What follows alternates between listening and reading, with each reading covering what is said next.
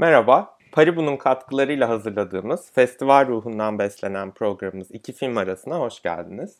Ben Emre Eminoğlu. Her hafta farklı bir konukla İstanbul Film Festivali anılarımızı konuşmaya, festivalle ilgili hafızamızı tazelemeye devam ediyoruz. Bu haftaki konuğum yazılarıyla, tweetleriyle ya da Oscar Boy'da sevgili Umur'la kaydettikleri ödül sezonu podcastiyle tanıyor olabileceğiniz arkadaşım Seda Artar. Merhaba Seda, nasılsın? Merhaba Emre, teşekkür ederim. İyiyim. Sen nasılsın? Ben de iyiyim. Artık böyle üçüncü bölüm oldu ama hala biraz heyecanlanıyorum kaydı başlamadan önce fark etmişsindir. Ki bu hafta daha bir heyecanlıyım yani yakın çevremden biriyle böyle sohbet daha tatlı Ay geçecek. teveccühün herhalde. efendim, teveccühün. Biliyorsun programımızın adı iki film arası ve ben bu soruyu gelenekselleştirme kararı aldım.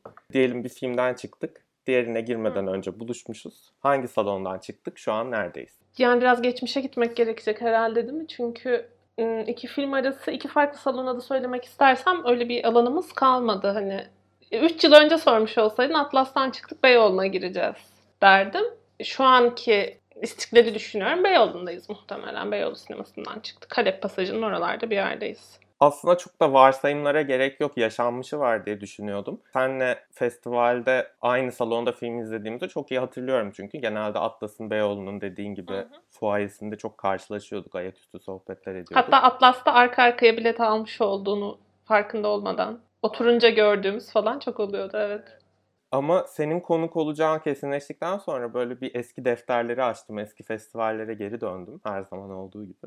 Ama inanır mısın böyle beraber hani şu filmi izleyelim diye bilet alıp beraber film izlediğimiz festivalde hiç olmamış. Film ekiminde bir kere olmuş. Ki işte konseptimize uygun olarak iki film arası oturup böyle uzun uzun sohbet edelim, beraber yemek yiyelim, filmi konuşalım dediğimizde o zaman olmuştu sanırım. Böyle fıcında bir yemek yemiştik Evet, seninle. fıcınla yemek yemiştik. Ben de hatırlıyorum o günü. Çok güzel bir gündü. Yani aslında bu çok da şaşırtmıyor beni. Hatta hatırladığım kadarıyla sık karşılaşmış olmamız bile mucize gibi geliyor. Çünkü sen çalışan bir insansın. Tam zamanlı çalışan bir insansın.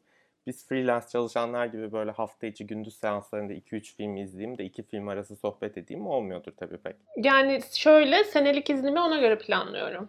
Her yıl e, Ekim'de 2-3 gün, Nisan'da 2-3 gün izin alıp sanki ben de e, nispeten yaratıcı bir sektörde nispeten esnek zamanlı bir iş yapıyormuşum gibi. Evcilik oynamak gibi biraz. Onu özel bir eforla planlamak gerekiyor benim için. Gerçek festival ruhu yani senelik iznini bunun için kullanmak benim için gerçek festival ruhu demek. Zaten hani festivalle ilgili bir podcast'te konuk düşünürken de o yüzden aklıma ilk gelenlerden biri sen oldun. Çünkü bunu hatırlıyorum teşekkür gerçekten. Biraz bundan konuşmak istiyorum önce. E, Günün ve iş hayatının yoğunluğu üstüne böyle koştur koştur sinemaya gidip film izlemeye iten şey ne oluyor seni ya da işte senelik iznini festival için kullanmaya iten şey? Şey aslında yani bir kısmı FOMO bence. Sosyal medyayla da gelen herkes her şeyi izliyor. Ben çok geride kalıyorum hissi.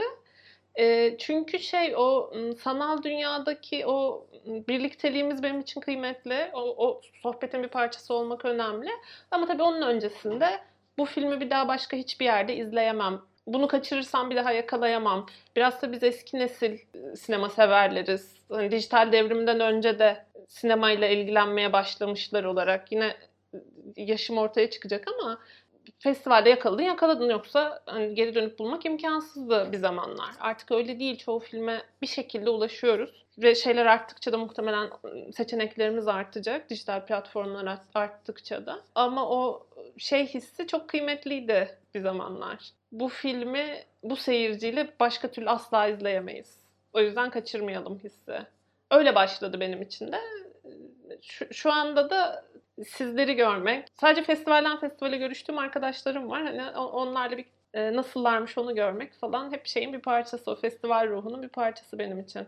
Bu sene de eksikliğini çekiyoruz. Peki aramızdaki samimiyete dayanarak böyle yorgun yorgun çıkmışsın işten alelacele bir tost bir şey atıştırmışsın girmişsin 21-30 seansına hiç filmde uyuduğun uyuyakaldığın oldu mu? Çok oldu. Yani özellikle 9-9.30 seansları.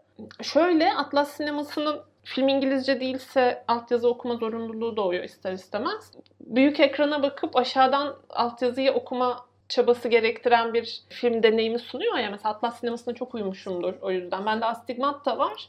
Hani geniş ekrana bak, alttaki altyazıyı okumaya çalışırken odaklan falan derken bir müddet sonra dayanamayıp daldığım çok oluyor. O yüzden son senelerde şeyi e, mümkünse altyazı okumam gerekmeyecek ve dolayısıyla gözümü daha az yoracak filmleri seçmeye çalışıyordum.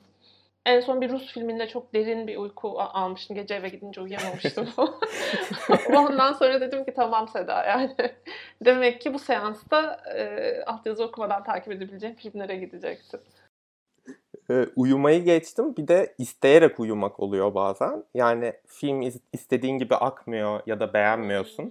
Çıkmak istesen çıkamazsın. İşte sıranın en ortasından Ve, ve güzel bir bir yer sonraki filme almışsın. de enerjini koruman gerek. Çünkü Evet. ondan sonra bir film daha izleyeceksin muhtemelen.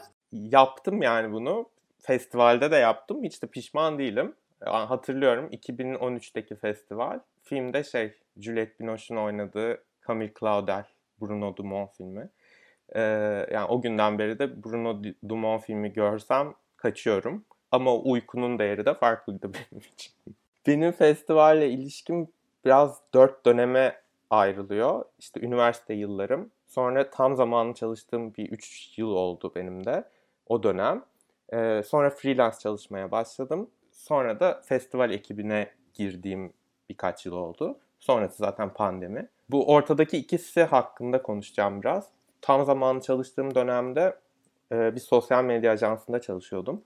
Şansıma ofis de hemen İstiklal Caddesi'nin üstündeydi. Dolayısıyla böyle 7 ve e, 9.30 seanslarına rahatlıkla gidebiliyordum. Öyle çok çalışma, çalışıyor olmam çok etkilemiyordu festivali. Ama işte yorgunluktan böyle istemeden kafamın düştüğü, e, hızla mesela bir kaşarlı dürüm döner atıştırıp 7 seansına girmişim. Rehavetten gözlerimin kapandı falan çok oluyordu. 3 yıl öyle geçti. Sonra freelance çalışmaya başlayınca o ilk 3 yıl festivalden tam verim aldığım 3 yıl benim için. Bakıyorum yani bir yıl da o zaman festival de böyle 2 haftaya uzundu biraz daha uzundu süresi. 35-40 film falan izlemişim o yıllarda. Geçen hafta hatta Elçin dedi emekli olduğumda evimin hemen yanında dünyanın her yerinden film oynatan bir sinema salonu var. Ben evimde mi oturacağım diye. Tam öyle sanki emekli olmuşum gibi günde 3 film 4 film hiçbirini kaçırmayayım diye aralarda böyle kahvecilerde laptopumu açıp çalışıyordum. Ne uyku ne bir şey. Yani bir Camille Claudel işte. Sen hatırlıyor musun öğrencilik yıllarındaki festivalleri nasıldı yani çalışırkenkine göre farkı nasıldı ya da ilk festivalin hangisiydi neler izlemiştin? Festivalin ilk farkına varmam benim. Hmm, Lise 1'de falanım ve İstanbul'da yaşamıyorum. Tesadüfen bir sinema dergisi elime geçmiş. Orada fark ettim. Daha böyle yani sinema nedir, il- hani ilgili miyim değil miyim yeni öğrenmeye, yeni farkına vardığım zamanlar. Böyle açıp festival programı çalıştığımı, işte Amerika dışında bir yerlerde de filmler çekildiğini ve Türkiye'de izlenebildiğini falan fark ettim ve böyle aklımın uçtuğu bir zaman. Ve asla erişemiyorum çünkü yani yani bunun için İstanbul'a gitmem falan öyle bir seçenek yok. Gitsem nerede kalacağım falan feşmekan. O zaman hani İstanbul'da yaşarsam kesin gideceğim bir şey olduğunu düşünmüştüm. Ama çok tuhaf İstanbul'a geldikten sonra muhtemelen başka bazı özgürlüklere kavuşmayla gelen bir gecikme oldu bizim festivalle kavuşmamızda diyeyim. İlk festivale 25. İstanbul Film Festivali'ne gitmişim. Şöyle bir dönüp baktım ilk hangi hatırlayabildiğim en eski biletim o. Yani aşağı yukarı 6-7 yıl sonra aklıma gelmiş tekrar. Ya festival diye bir şey vardı. Bir orada şey yapamamışım. Aktive olamamışım yani. Tuhaf bir şekilde. Ee, ondan sonra da ilk festivalde hatırladığım, festivalde izlediğim hatırladığım ilk film şey e, Juliette Binoche'lu e, Abel Ferrara'nın Mary'si. O sene de çok az film izlemişim hatta yani. Ki e, evet filmler, biletler de çok ucuzmuş falan. Ama yapmamışım nedense. Ee, Asıl çalışmaya başladıktan sonra. Çünkü biraz da şeyle ilgili tabii. Yani yol yordan bilmemek. Ha şu da var. Ben Boğaziçi Üniversitesi'nde öğrenciydim. Ee, ve Boğaziçi'nin içinde de çok güçlü bir e, şey var aslında. E, Erişim imkanı vardı o zaman. Mithat Alam'da çok vakit geçirirdim. O kütüphaneden film alıp izleyebiliyorduk. Ee, vesaire. Yani uyanamamışım gerçekten. Hani oradaki kaynağı tüketmeye çalışırken. Festivali biraz geç o yüzden bulaştım. Her şey zamanını bekliyor. Muhtemelen zamanı o zamanmış. Öyle düşünmeyi tercih ediyorum. Benden bir sene önce tanışmıştım festivalle. Ee, ben de Sabancı Üniversitesi mezunuyum ve yurtta kalıyordum o zaman. O yüzden ben üniversiteye başladığım anda festivalle film izlemeye başladım aslında ama o kadar fazla sayıda film izleyemiyordum. Çünkü yani İzmit sınırında bir yerde kalıp Ee, çok acıklı bir hikaye gerçekten. sürekli film izleyemiyorsun. O yüzden sadece hafta sonları gidebiliyordum. Sonrasında, öğrenciliğimden sonrasında arttı izlediğim film sayısı yani. İlk izlediğim film hangi salondaydı? Onu hatırlıyor musun? Beyoğlu'ndaydı. Yani İstiklal Caddesi'ndeydi ama Beyoğlu mu Atlas mı hatırlayamıyorum şu anda. Emek de olabilir tabii. Çünkü o zaman emek de var. Doğru, emek de olabilir. Gerçekten hatırlamıyorum. Yani İstiklal Caddesi'nde olduğundan eminim ama hangi salon hatırlamıyorum. Şey o, o sene bir tane Danimarka filmi de izlemiştik. Çok da iyi hatırlamadığım bir film. Onu Beyoğlu'nda izlediğim gibi hatırlıyorum. Ama şeyi hatırlamıyorum. Hmm, Juliette Binoche'lu olanı hatırlamıyorum gerçekten. Biraz o zaman Oscar'lara geçeceğim. Ee, çünkü sen de ödül sezonunu en az benim kadar yakından takip ediyorsun. Yok, mümkün değil. ben şey Umur'un çektiği yere gidiyorum daha çok. Anladım. Ee, festivalle Oscar'ların ya da ödül sezonunun ilişkisi hakkında konuşmak istiyorum biraz ama aslında belki de yok çok öyle bir ilişki. Çünkü festivalin tarih aralığından dolayı genelde o film ekiminin konusu oluyor. Öyle oluyor evet. Özellikle son birkaç yıldır film ekimi programı çok güçlü bir hal aldı. Ee, genelde film ekiminde bitirmiş oluyoruz. Gerçi şey olduğunu hatırlıyorum ben. Oscar'ı alıp sonra e, festivale gelen film hatırlıyorum. Ama film hakkındaki heyecanımız falan bayağı azalmış oluyordu zaten o noktaya kadar. Ee, o yüzden de e, Oscar deyince aklıma festival gelmiyor benim. Ya da işte festivalde film seçerken Oscar'la ilişkisine bakmıyorum. Amerikan sinemasını çok seviyorum ben. Yani muhtemelen e, şeyle sinema zevkimin oluşmasına çok katkısı olmuştur. O yüzden hani festivalde Amerikan filmi izlemem gibi bir duruşum yok. Ama e, Oscar'la alakasına bakarak seçmiyorum filmi festivalde seçerken. Zaten dediğimiz gibi çok da mümkün olan bir şey değil. Hele bu zamanda hiç değil. Çünkü zaten çoktan izlemiş oluyoruz bazı şeyleri. Yani 20-25 yıl öncesinde filmler bu kadar kolay erişilebilir değilken büyük ihtimalle dediğin gibi Oscar'ı alıp ya da Oscar'a aday olup festivale gelmiş film çok daha büyük heyecan yaratıyordur insanlarda. Ee, yani biraz da benim herhalde perdede izleme ısrarımdan ben birkaç tane öyle Oscar konuşmalarına dahil olan filmi festivalde heyecanla bekleyip izlediğimi hatırlıyorum. İşte Pan'ın Labirentini mesela Rex'te izlemiştim. Filomena'yı festival açılışında izlemiştim. Aa evet Filomena gelmişti. O zaman bayağı heyecanlanmıştık Filomena'nın festivale geliyor olması. Çünkü hiçbir yerde erişemeyeceğiz zannediyorduk. Bir de şey olabiliyor artık. İşte Berlin'de mesela Oscar yarışına taşınan bir film oluyorsa Berlin Film Festivali'nden onu erkenden artık e, izleme fırsatımız olabiliyor. İşte Before Midnight'ı, Grand Budapest Oteli, Hail Caesar'ı falan son yıllarda festivalde izleyip ondan sonra ta bir sonraki sonbaharda Oscar konuşmalarına dahil etmeye başlamıştık. Evet ama mesela Before Midnight gibi bir filmi zaten izleyecektik. Kim getirse izleyecektik yani hani Oscar olsun olmasın falan. Before Midnight gösterimi de çok bereketli bir gösterimdi benim için. Bir sürü e, internetten tanıdığım insanla orada karşılaşmıştım. Hatta galiba Umur'la da ilk yüz yüze karşılaşmamız Before Midnight gösterimi Atlas'taki. Olabilir gerçekten. Hatırlıyorum bazı öyle filmler oluyor, öyle büyük filmler oluyor. Bütün film Twitter'ı bir fuayede Herkes bir araya orada getiren. Özellikle Atlas'ta ya da işte o yıl ben yoktum ama film ekimindeki Roma gösterimi Zorlu'daki öyleymiş galiba. Bütün film Twitter oradaymış falan. Evet. Bir de şey ilginç oluyor bazen. İşte mesela film ekimi döneminde aşağı yukarı ülkelerin yabancı film yarışı için seçtiği filmleri biliyor oluyoruz. Ama festival sırasında hiçbir fikrimiz olmuyor. Bir bakıyorsun izlediğin bir Avrupa ülkesinden ya da bir Afrika, Asya ülkesinden bir film ülkesinin Oscar adayı seçilmiş. Hatta gitmiş sonra aday olmuş, ödül almış falan. Böyle şeyi hatırlıyorum. Tangerines'i festivalde izlemiştim, Estonya filmi. Hatta İda'yı da festivalde izlemiştim. Benim de bir ayrılık öyle. Aa, Farhadi'yi peki tanıyor muydun şeyden önce, A Separation'dan önce?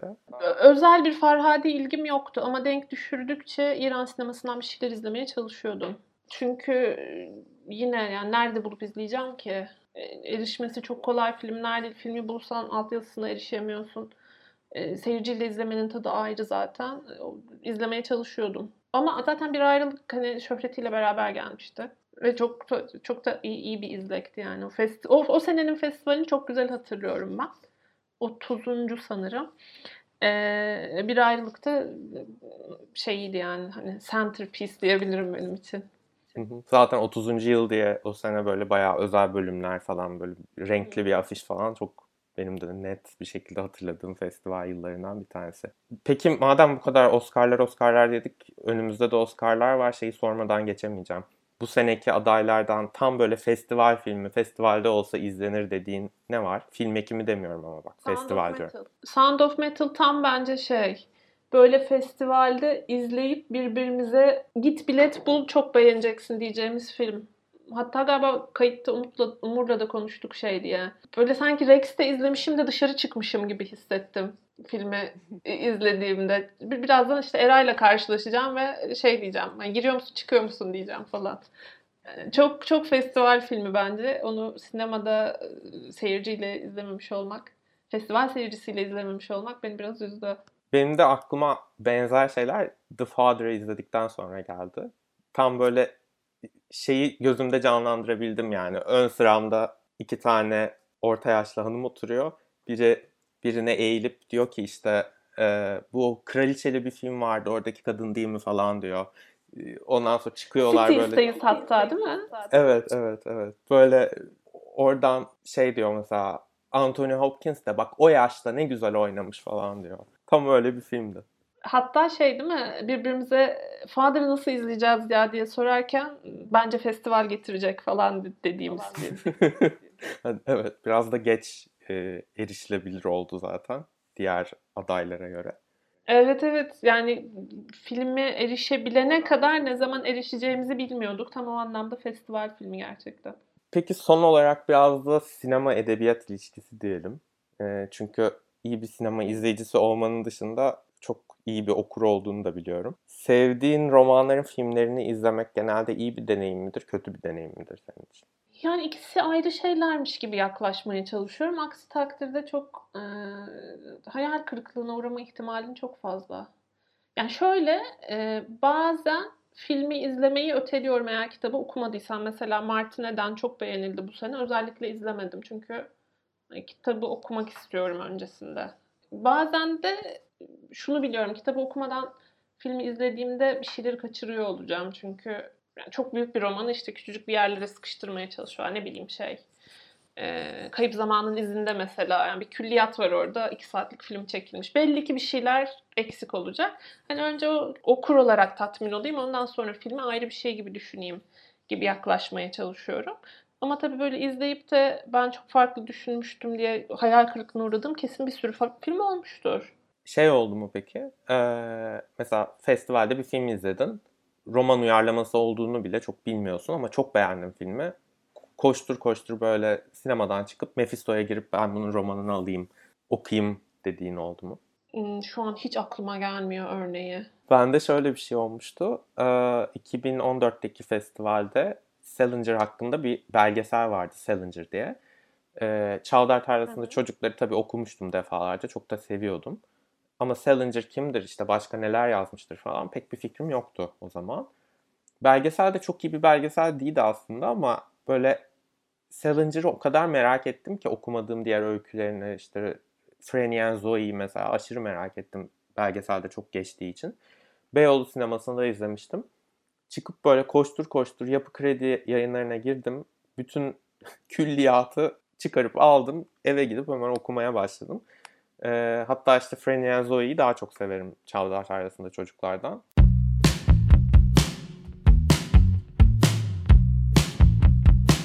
İki film arasının ikinci yarısı biraz oyuncaklı bir bölüm. Öncelikle bir festival quizimiz var senin için. Hazır mısın? Bu görüşmeyi psikoloğumla görüşmem gerekecek. Öyle hissediyorum Emre. Her zaman mükemmel olmak zorunda değilim. Bazen sıfır da alabilirim. Yok ya ben inanıyorum. İyi bir puan yok alacağım. yok inanma. İnanma. Sıfır için yola çıkıyorum. Çünkü çok çok kötü bir hafızam var çünkü. Kolay bir soruyla başlayalım. 5 puan değerinde bir soru. Festivalin Kadıköy'de en sık kullandığı sinema hangisidir? Ya da hangisiydi mi demek lazım artık bilmiyorum. Hmm, rahmetli Rex tabii.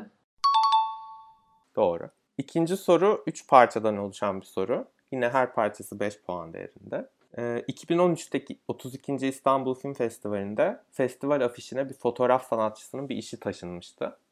Ee, sinemayla da çok ilgili bir isim bu. Kim olduğunu hatırlıyor musun? Hayır tabii ki. Afişi görsem belki derim de mümkün değil. Hatırlamam. Yani fotoğraf sanatçısı ve yönetmen olan biri. Bir ipucu daha alabilir miyim? Sesli harf alabilir miyim? Ee, söylüyorum cevabı direkt. Nuri Bilge Ceylan'ın bir fotoğrafını Hmm. Tamam. Şu an gözümün önüne geldi şey. Hatta yani kitapçığı aldığım günü falan hatırlıyorum. İstanbul dışında olan birini alıp gönderdiğimi hatırlıyorum. Ama bu şekilde sorarsan hayatta aklıma gelmezdi. O zaman kitapçıkların boyutu değişmişti hatta biraz. Ben bayağı Hmm. sinir olmuştum. Hatta hala Çünkü kitaplıkta rafta e, serin bozuluyor değil mi? sonra yine de, yine eskiye döndü. O arada böyle bir yükseklik var birkaç sene. İkinci kısmı sorunun aynı yıl uluslararası yarışmanın jüri başkanı, e, yönetmen, senarist ve yapımcı olarak toplam 6 Oscar adaylığı bulunan biriymiş. Kim olduğunu hatırlıyor musun diyeceğim. Tabii ki hatırlamayacağım ben de. Son adaylığı Lord of the Rings yılı 2003. Mümkün değil Emre gerçekten. Çok özür diliyorum. Peter Weir'miş. Uluslararası yarışmanın jüri başkanı. Mesela geldiğini bile hatırlamıyorum ben. Nasıl hatırlıyor insanlar bunları? Ee, Ben de hatırlamıyordum bunu bu arada. Yani o festivalde de dediğim gibi bayağı fazla sayıda film izlemeye falan başlamıştım. Uluslararası yarışmadan falan bayağı film izlediğimi hatırlıyorum. Ama jüri başkanına bakmak ki yani Truman Show mesela benim çocukken izleyip bayıldığım filmlerden bir tanesidir. Hmm, ben de çok severim Truman Show'u. Hiç umurumda olmamış yani Peter Weir İstanbul'daymış ha falan dememişim demek ki bana çok ilginç geldi. Son olarak o yıl Altın Lale'yi kazanan film What Richard Did olmuş. Filmin yönetmeni birkaç yıl sonra en iyi yönetmen kategorisinde Oscar adayı olmuştu. Yönetmeni ya da o Oscar adayı olduğu filmi söylemeni isteyeceğim. Rum mu? Son soruya geçiyorum. Bundan önce kısa bir bilgi vereceğim. Festivalin uluslararası yarışma bölümü aslında tematik bir yarışma olarak düzenleniyor. Festival zamanında çünkü Festivaller Birliği'ne e, tematik yarışmalı bir festival olarak akredite olmuş. 2016'ya kadar yarışan filmlerin sanat ve sanatçının dünyasını sinemayla buluşturan ya da edebiyat eserlerini beyaz perdeye taşıyan filmler olması gerekiyormuş. Sanırım bu bir zaman sonra tema başvuru ve bu tema başvuruları bir hali kısıtlamaya başlamış. 2016'da değiştirmişler bunu resmi olarak. Sinemaya yeni bakışlar diye çok daha herkesin neredeyse başvurabileceği bir hale gelmiş. Şimdi zaten edebiyat uyarlamalarıyla bu kadar içli dışlıyken festival 2013 yılında bir de üstüne edebiyattan beyaz perdeye başlıklı bir bölüm eklenmiş festivale. Son soruyu bu bölümle ilgili hazırladım. Senin için bu bölümü seçtim. iki haftadır bir bölüm verip işte konuğumdan o bölümdeki iki filmi doğru tahmin etmesini istiyorum. Ama senden başka bir şey isteyeceğim. Bölümdeki filmlerin hepsini okuyacağım sana. Ee, bunların hepsi edebiyat uyarlamaları. İçlerinden dördünün uyarlandığı eserin yazarını bilmeni isteyeceğim. Her doğru cevap yine 5 Yazıklar puan. Gülen Adam, Lizbon'a Gece. Treni, Hipnozcu, Hı hı. Lizbon'a Gece Treni'nin e, yazarı adını hatırlamıyorum ama soyadı Mercier olması lazım. Doğru. Ee, bu kalemunun rengi, kollarımda kal, sislerin içinde, arada kalan What Amazing You, Büyük Umutlar, Hı hı. Great Expectations. Tamam bu çok kolay. Great Expectations Charles Dickens'ın uyarlaması. Ee, Doğru. What You New de yanlış hatırlamıyorsam bir Henry James romanının uyarlaması. Onun Doğru. 9. yüzyıldan 20. yüzyıla taşınmış hikaye gibi bir trik vardı orada. Julianne Moore'la Alexander Skarsgård mıydı? Onların kızını oynayan küçük kızın performansı falan hiç unutamıyorum hala. Ben de Alexander Skarsgård'ı unutamıyorum mesela. Çok başarılı bir e, eye candy kendisi. Hiç beklemiyordum festivalle karşılaşmayı. E, evet kız çocuğu çok iyi bir oyuncuydu bence. Yani daha doğrusu çok iyi yönetilmiş bir filmdi. E, bir çocuktan o kadar e, doğru bir performans almaları çok etkileyiciydi bence de. Ee, iki film kaldı. Katil, The Iceman ve Kuru Gürültü, Much Ado About Nothing. Shakespeare. Evet. Buradan tam puan aldım. Ben puan aldım. teşekkür ediyorum Emre. Azıcık torpil sezdim ama teşekkür ediyorum yine de. Toplamda da 30 puan almış oldum festival quizinden 40 üzerinden.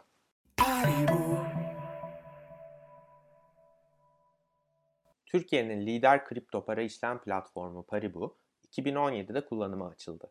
Kullanıcılarına hızlı ve kolay kripto para işlem hizmeti sunan Paribu'da 7/24 kripto para işlemi ve TL çekme yatırma işlemi yapılabiliyor. Paribu'da Bitcoin dahil onlarca kripto para birimi alınıp satılabiliyor. Gün geçtikçe daha çok kişi Paribu'yu ve Paribu ile adım attığı kripto para dünyasını konuşuyor. Paribu giderek çok daha fazla insanın aklında yer ediyor. Siz de Bitcoin dünyasına ilk adımınızı Paribu ile atabilirsiniz.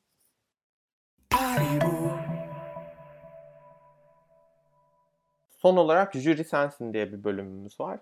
Bunun içinde Altın Lale kazanmış filmler arasından 5 filmlik bir seçki hazırladım. Ulusal jüri başkanımız sensin. Bir filme Altın Lale vereceksin.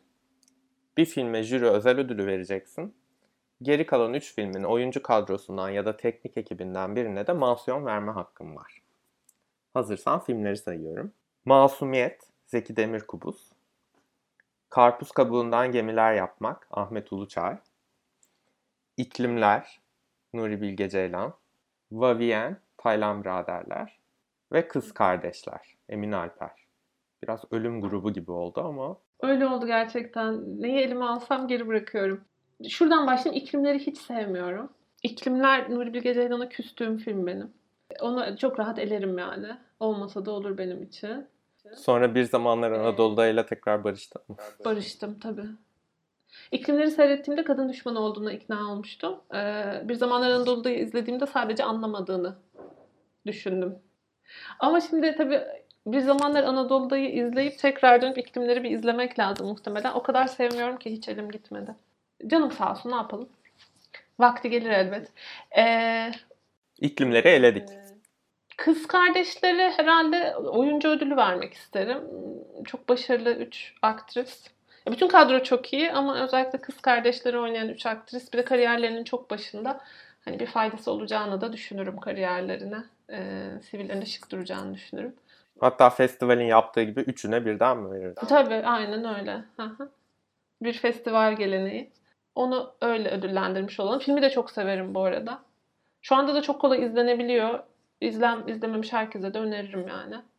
Ben de öneririm. valla. Hatta geçen senin tweetinde mi gördüm? Birinin tweetinde gördüm zamanında bu Ben filmi yeni niye konuşmadık diye. Hah. Evet o benim. Çok az konuşuldu gerçekten. Oysa ki yani işte uzun uzun konuşup tartıştığımız Nuri Bilge filmlerinin kalibresinde çok güçlü sinema diliyle çekilmiş, çok iyi oynanmış, muhteşem bir film. Ee, böyle durumlarda hep şey diyorum. Tabii ana anlatı kadınların etrafında dönüyor diye izlemiyorsunuz diyorum. Bu sefer kendimi tuttum demedim orada. Burada aramızda kalsın. Burada sana söylemiş olayım. Vivienne'e kesinlikle ödül vermek isterim. Hatta en iyi film o olabilir bunların içinde. Çünkü çok yenilikçi ve Türkiye sinemasında az yapılan bir şey yap- yaptılar ve bunu çok eğlenerek yaptılar. Ee, hem ana akıma göz kırpıyor hem biraz böyle neo noir sularında geziyor. Popüler oyuncuları almış ve yapmaya ikna etmesi zor bir şey yapmış.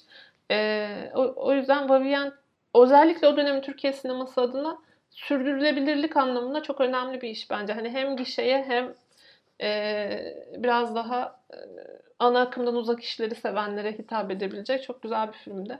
Keşke devamı gelseydi. Böyle daha çok filmini izleseydik Taylan kardeşlerin.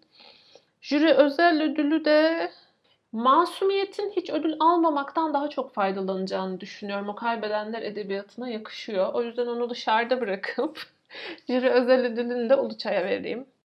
Harika bir strateji. Bunu ileride böyle bir durumda kalırsam kullanacağım. Ama öyle değil mi? Kesin daha çok ekmeğini yer yani. Ee, Biz e, kaybedenlerin hikayesini anlattık diye. Ee, Ulu- Uluçay'ın sinemasının e, o samimiyetini çok sevmiştim. Ben yine çok erken bitmiş bir sinema yolculuğu bence. Çok büyük ve güzel işler yapabilirdi. Daha büyük bütçelerle. Seyfi Teoman gibi hani bundan sonra yapacaklarını göremediğimize çok üzüldüğüm bir sinemacı. Gerçekten öyle. Masumiyet'i severim bu arada. Zeki Demirkubuz'un son zamanlarda dönüştüğü şeyin çok hastası değilim ama Masumiyet'i sevmiştim izlediğimde. Evet zamanında işte yapılan bütün anketlerde işte Türkiye sinemasının en iyi filmi listelerinde böyle üst sıralarda yer alıyor. Bence kesinlikle hak eden bir film. Ee, o zaman ödüllerin için de teşekkür ediyoruz. Ben teşekkür ederim. Çok keyifliydi. Konuk olduğun için de çok teşekkür ediyoruz. Ben teşekkür ederim. Çok çok iyi vakit geçirdim. Böyle seni görmüşüm gibi oldu. O da çok güzel oldu. Ee, iki film arasının bu bölümünde Seda Artar ile beraberdik. Haftaya yeni bir konukla festival anılarımızı konuşmaya devam edeceğiz. Hoşçakalın. Hoşçakalın.